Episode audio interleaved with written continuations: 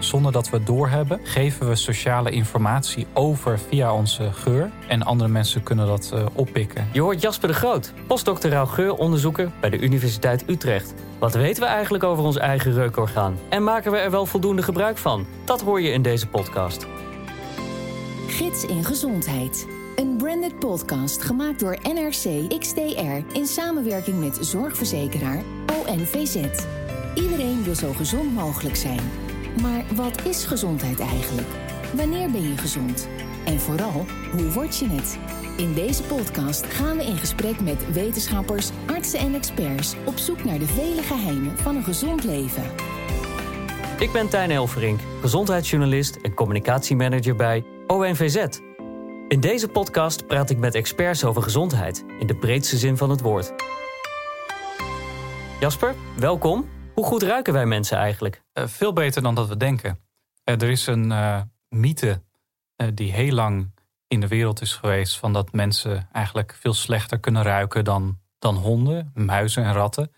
Maar eigenlijk heeft onderzoek sinds ja, vooral 2000... heeft aangetoond dat mensen vaardigheden hebben... die soms ja, benaderen wat, wat muizen en ratten kunnen. Zo, zijn, zo kunnen mensen bijvoorbeeld een geurspoor volgen door een veld. Dus een, een, een spoor van chocoladegeur uh, is, is, is door een veld getrokken door de onderzoekers. En uh, mensen moesten daar een soort van achteraan. En uh, een heel groot deel van de participanten, die, van de proefpersonen, die kon dat. en, en zelfs na training. dus dan moesten mensen een, een, paar keer dat spoor volgen. En ze waren geblinddoekt en ze hadden een koptelefoon op. waren ze dus in staat om dat nog sneller te doen en in een rechte lijn. Dus ze konden eigenlijk, uh, ja, net zoals honden, een geurspoor volgen. En, en, en los daarvan is het ook zo dat we sommige moleculen, dus geuren bestaan uit moleculen, uh, dat we die in lagere hoeveelheden kunnen ruiken dan dat muizen, ratten en honden dat kunnen. En dat gaat specifiek om ja, moleculen die een beetje zuurachtig ruiken, die vaak voorkomen in, in lichaamsgeur. Dus het is helemaal niet per se zo dat mensen slechter kunnen ruiken dan, dan honden, muizen en ratten. Soms kunnen we het zelfs beter. En wat voor geuren kunnen wij nou juist heel goed ruiken? Die zuurachtige geuren die in lichaamsgeur uh, onder andere voorkomen. Het blijkt ook dat, dat lichaamsgeur een soort van communicatieve waarde ook heeft voor andere mensen. Wat, wat, wat, wat we ons ook eigenlijk niet hebben gerealiseerd tot voor relatief kort. Um, dus door middel van lichaamsgeur kunnen mensen emoties overbrengen. Ziekte kun je ruiken in lichaamsgeur. Uh, dat is allemaal te ontdekken. En dat is een van de functies die het menselijk reukvermogen ook, uh, ook heeft. Dus zonder dat we het doorhebben, geven we sociale informatie over via onze geur. En andere mensen kunnen dat uh, oppikken en onbewust daardoor beïnvloed worden. Hoe werkt dat dan precies? Emoties overbrengen via geur? dat werkt doordat, nou in eerste instantie, dus ik heb daar experimenten naar gedaan, meerdere experimenten. En daarin hebben we mensen getest die in een uh, staat van angst werden gebracht. Dus we lieten mensen horrorvideo's zien. Ik heb ze zelf ook gekeken en ze zijn behoorlijk angstaanjagend, kan ik je vertellen. Okay. Ook een onderzoeksassistent heeft ze, heeft ze gezien. En dat, uh, ze zijn behoorlijk uh, okay, goed ja. in, het, in het opwekken van angst. En dan nemen we de lichaamsgeur af van de mensen terwijl ze naar die films kijken. En van diezelfde mensen nemen we lichaamsgeur af terwijl ze gewoon in een warme ruimte zitten. Naar een natuurdocumentaire te kijken die totaal niet eng is. Vervolgens verzamelen we die compressen uh, waarop dus de geur van angst is verzameld.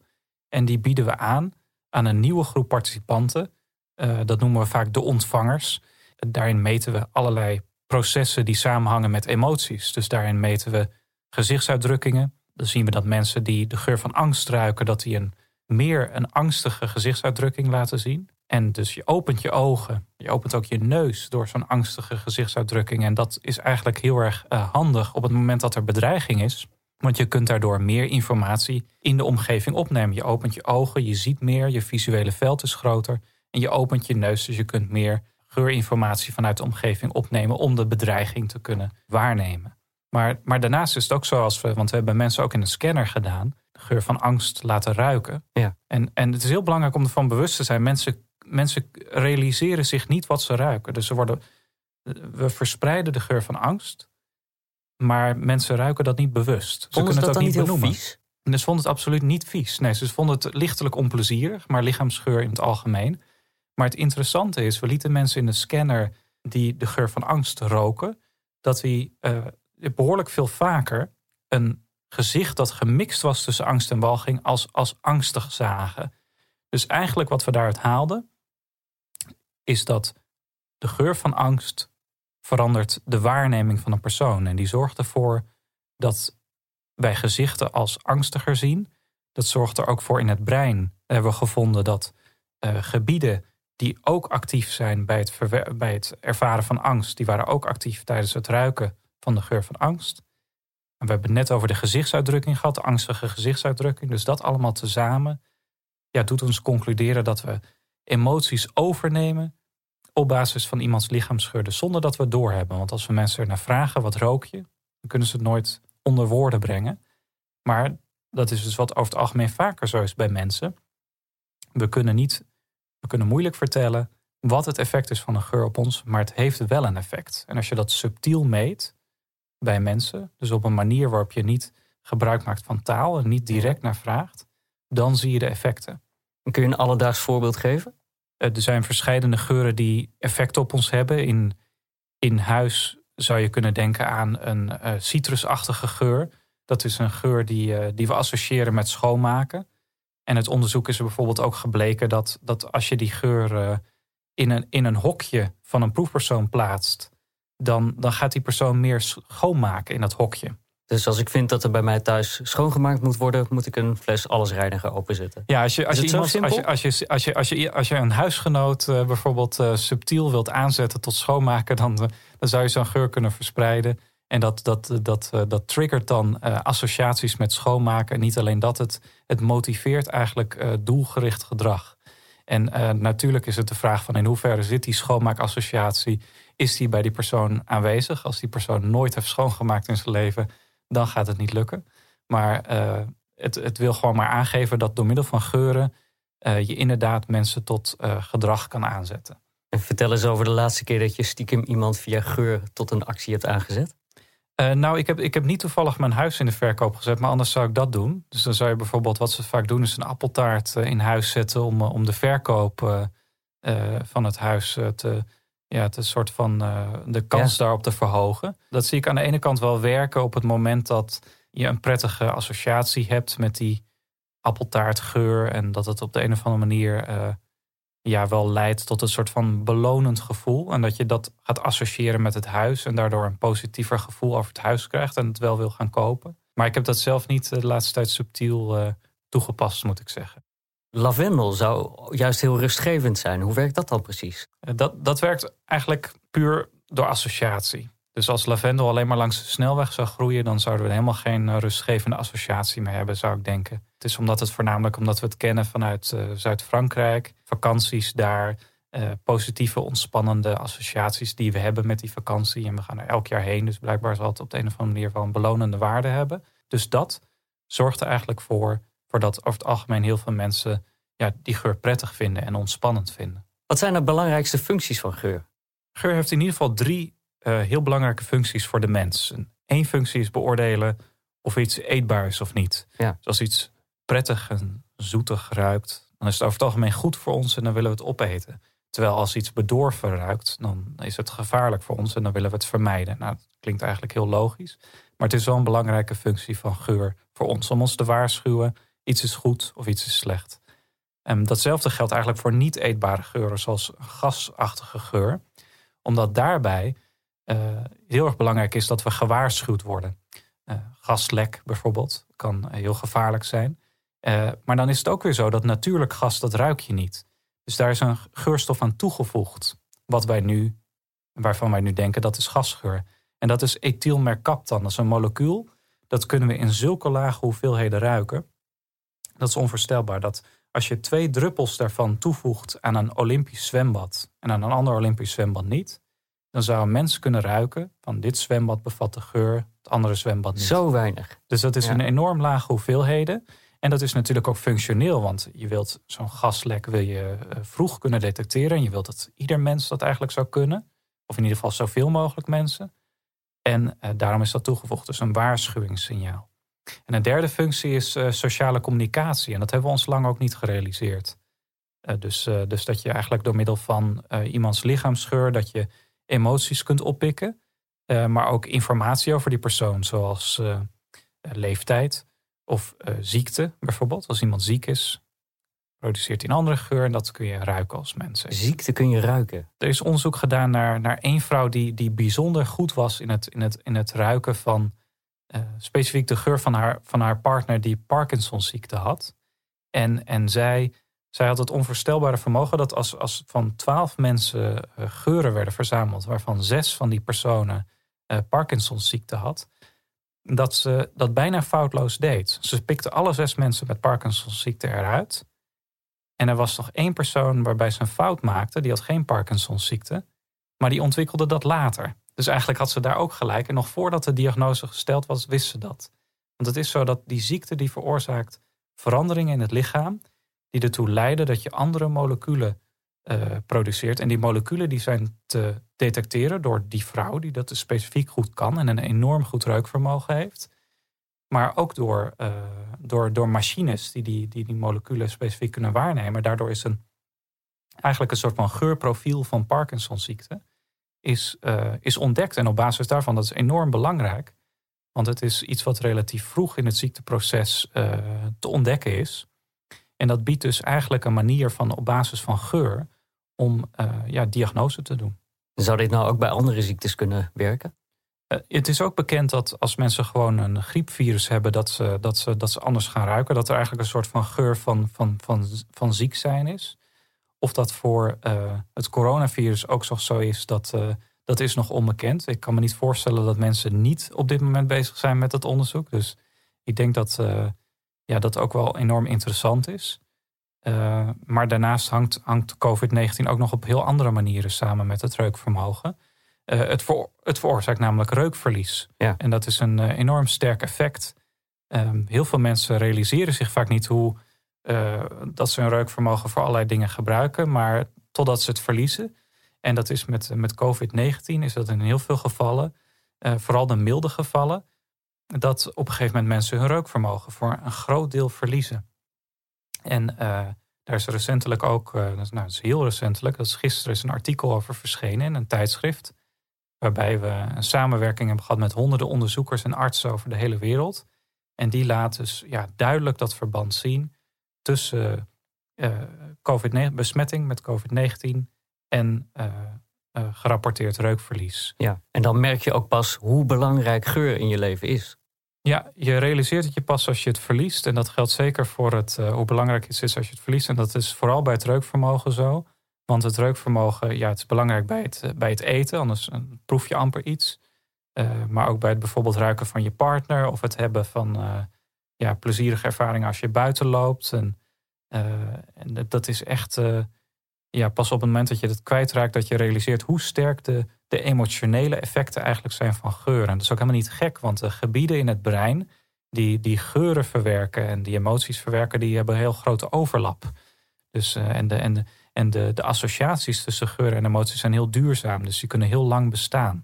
En als dat op een gegeven moment wegvalt, dan uh, verdwijnt soort van de kleur ja, uit het leven. En gelukkig is dat met COVID-19 maar tijdelijk. Het reukvermogen herstelt vaak weer.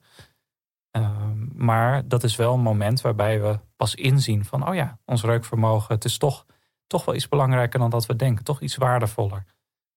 Nu kan het ook zijn dat je een bepaalde geur na verloop van tijd niet meer ruikt. Dat is iets anders, toch? Ja, want uh, het reukvermogen is eigenlijk heel erg een veranderingsdetector. Dus we willen, we willen uh, geur ruiken en dan willen we relatief snel reageren van dit, dit is prettig, dit moeten we benaderen of dit is onprettig, dit moeten we vermijden. Maar als we te lang in dezelfde geur zitten en we doen er niets mee, dan, dan heeft het reukvermogen een, een soort mechanisme waarbij de receptoren, die dus de moleculen moeten, moeten binden, dus receptoren in de neus, die, die trekken zich terug. Als een soort van struisvogels die hun hoofd in het zand weer eh, trekken. En daardoor kunnen we de geur in ons huis, die vrij stabiel is, op een gegeven moment niet meer ruiken. En dat effect is heel lang. Dus pas na een vakantie van een week, dan kom je terug in je huis en dan ruik je pas weer wat andere ruiken. En dat is ook voor het reukvermogen om een soort van ruimte te geven voor het detecteren van andere geuren die wel veranderlijk zijn. Waarom doen die detectoren dat? Waar, Waarom, is dat, waarom ruik je dat niet meer? Is dat ook om te wennen aan minder, minder prettige geur? Ja, op, op die manier kunnen we uh, wennen aan minder prettige geuren. Dus het, is, uh, het zou ons ook in staat kunnen stellen om in heel veel verschillende omgevingen uiteindelijk te kunnen leven. Ook waar de geur in eerste instantie onprettig is. Uh, want we, we passen ons gewoon aan. Maar de belangrijkste functie is dat we eigenlijk ruimte willen maken voor, voor het kunnen ontdekken van geuren die ons iets, kunnen, iets belangrijks kunnen vertellen. En op het moment dat de geur de hele tijd hetzelfde is en we doen er niks mee, dan is het blijkbaar niet belangrijk genoeg om daarop te reageren. Maar andere geuren die ineens kunnen voorkomen, of een gaslek of wat ineens ontstaat, dat moeten we dan wel kunnen oppikken. Dus onze geur is een heel slim systeem. Eigenlijk wel. Het is een enorm onderschat systeem. Uh, in, uh, in, in vele opzichten. Dus in wat we ermee kunnen, maar ook uh, de manier waarop het dus werkt als het gaat om gewenning aan geuren. Ja. Wordt ons reukvermogen slechter als we ouder worden? Ja, dat is, dat is duidelijk zo. dus eigenlijk elk facet van ons reukvermogen. Ons vermogen om geuren te onderscheiden. Ons vermogen om geuren te kunnen benoemen. En ons vermogen om ja, geuren te ontdekken in relatief lage hoeveelheden. En um, dat is eventueel wel tegen te gaan door gewoon voor in, in bepaalde mate. Door je gewoon bewust te zijn van je geuromgeving. En ja, veel associaties te ontwikkelen met geuren en ze proberen te benoemen. Want het reukvermogen is zeker te trainen. Maar dat is eigenlijk ook voornamelijk op, uh, op, op jonge leeftijd. Dus, en dan link ik weer terug aan het onderzoek waarbij mensen worden getraind om een geurspoor te volgen. Als we dat soort dingen kunnen. Maar er zijn ook culturen die, uh, die geuren net zo goed weten te benoemen als, uh, als kleuren. Dus eigenlijk, de mens is niet gelimiteerd in het kunnen benoemen uiteindelijk van geuren. En, en op die manier zou het veel waarde voor ons kunnen hebben. Net zoals wijnkenners op een gegeven moment ontzettend goed worden in het, in het benoemen van, van, van elementen in de wijn. En dat is, dat is niet zomaar onzin, want er zit heel veel ja, consistentie in. En de manier waarop wijn wordt beschreven door deze wijnkenners. En dat heeft allemaal te maken met geur. Uh, of in ieder geval voornamelijk. Maar dat soort ja, aspecten zou je dus kunnen trainen. En als je dat op een ja, relatief jonge leeftijd al een beetje doet, dan, dan heb je een groter vermogen om te verliezen, om het zo maar te zeggen. Want uiteindelijk, het verlies van reukvermogen, dat is een, ja, dat is een degeneratief proces. Dat, dat, dat gebeurt op een gegeven moment. En dat is niet compleet tegen te gaan. Uh, maar je kunt ervoor zorgen dat je vanuit een soort van hoger niveau relatief iets terugloopt. En dat zou kunnen helpen. En daarnaast, op het moment dat je al je, reukvermogen al een beetje aan het verliezen bent, dan um, zou puur bewustwording van geuren al kunnen helpen. en dus door, door ja, je bewust te worden in welke omgevingen je rondloopt, van wat voor geur dat nou is. Zelfs dan is nog een beetje training uh, kan, kan nog positieve effecten hebben. Het verlengen van je, van je vermogen om nog dingen goed te kunnen ruiken. Wat zijn belangrijke geuren? Nou, ik zou denken uh, geuren die iets vertellen over een ander persoon. Dus eigenlijk de geuren die sociale informatie bevatten. Bijvoorbeeld de geur van angst. Ja. Um, en uh, ja, hoe beter wij die moleculen in kaart kunnen brengen. Want dat hebben we in een onderzoek al geprobeerd te doen. We hebben één onderzoek laten zien dat de geur van angst dus echt qua moleculen verschilt. En uh, op het moment dat het meer, in meerdere onderzoeken naar voren komt, dan kunnen we ja, toch, toch aanmerken van, aan, andere mensen van nou, deze moleculen zijn eventueel belangrijk in, in sociale interacties. Probeer daar meer aandacht op te focussen. Het zou je iets kunnen vertellen over een andere persoon anders dan uh, iemands gezichtsuitdrukking of wat iemand uh, zegt. Of, dus je hebt eigenlijk een soort van ander communicatiekanaal dan wat je, wat je aan kan boren naast, uh, naast de, de dominante zintuigen, het gezichtsvermogen en het gehoor. En eventueel tast. Dus. Kun, jij de geur van angst of angstzweet herkennen? Ik kan het wel herkennen, maar ik kan het niet benoemen. Ik, ik kan er geen woorden aan geven, maar ik, ik kan het herkennen zowel bij mezelf als bij bij andere mensen ook. En ook bij de, bij de, bij de geursamples die ik verzamel. Dat is een hele specifieke geur die gewoon niet omschrijven. Dus je kunt het alleen ruiken en dan, en dan, en dan weet je het. Het is heel anders dan gewoon zweet. Ja, het heeft een hele andere, het heeft een hele andere kwaliteit. Ja, ja. En het is niet te omschrijven. Voor mij niet. Voor mij niet. Dat lukt mij niet. Ja, jammer. Ja, ja, ja, ja, Maar ik ben ook bijzonder slecht in het benoemen van geuren. Zo was er eens een pubquiz waarbij uh, waarbij ik de geuren in een whisky uh, moest uh, benoemen. En dat deed ik slechter dan de gemiddelde pubquizpersoon. Dus ook al het feit dat ik het reukvermogen onderzoek... wil absoluut niet zeggen dat ik geuren goed kan benoemen. Maar, dus dat is een vaardigheid die, ja, die maar uh, waarschijnlijk veel training ook vereist van mijn kant. Als ik het zou, echt zou willen ontwikkelen, ook dat, dat onderdeel. Wil je nou meer weten over geur? Ga dan naar gidsingezondheid.nl. Je luisterde naar Gids in Gezondheid. Een branded podcast gemaakt door NRC XTR in samenwerking met zorgverzekeraar ONVZ. Kijk voor meer verhalen over gezondheid en voor onze verzekeringen op onvz.nl.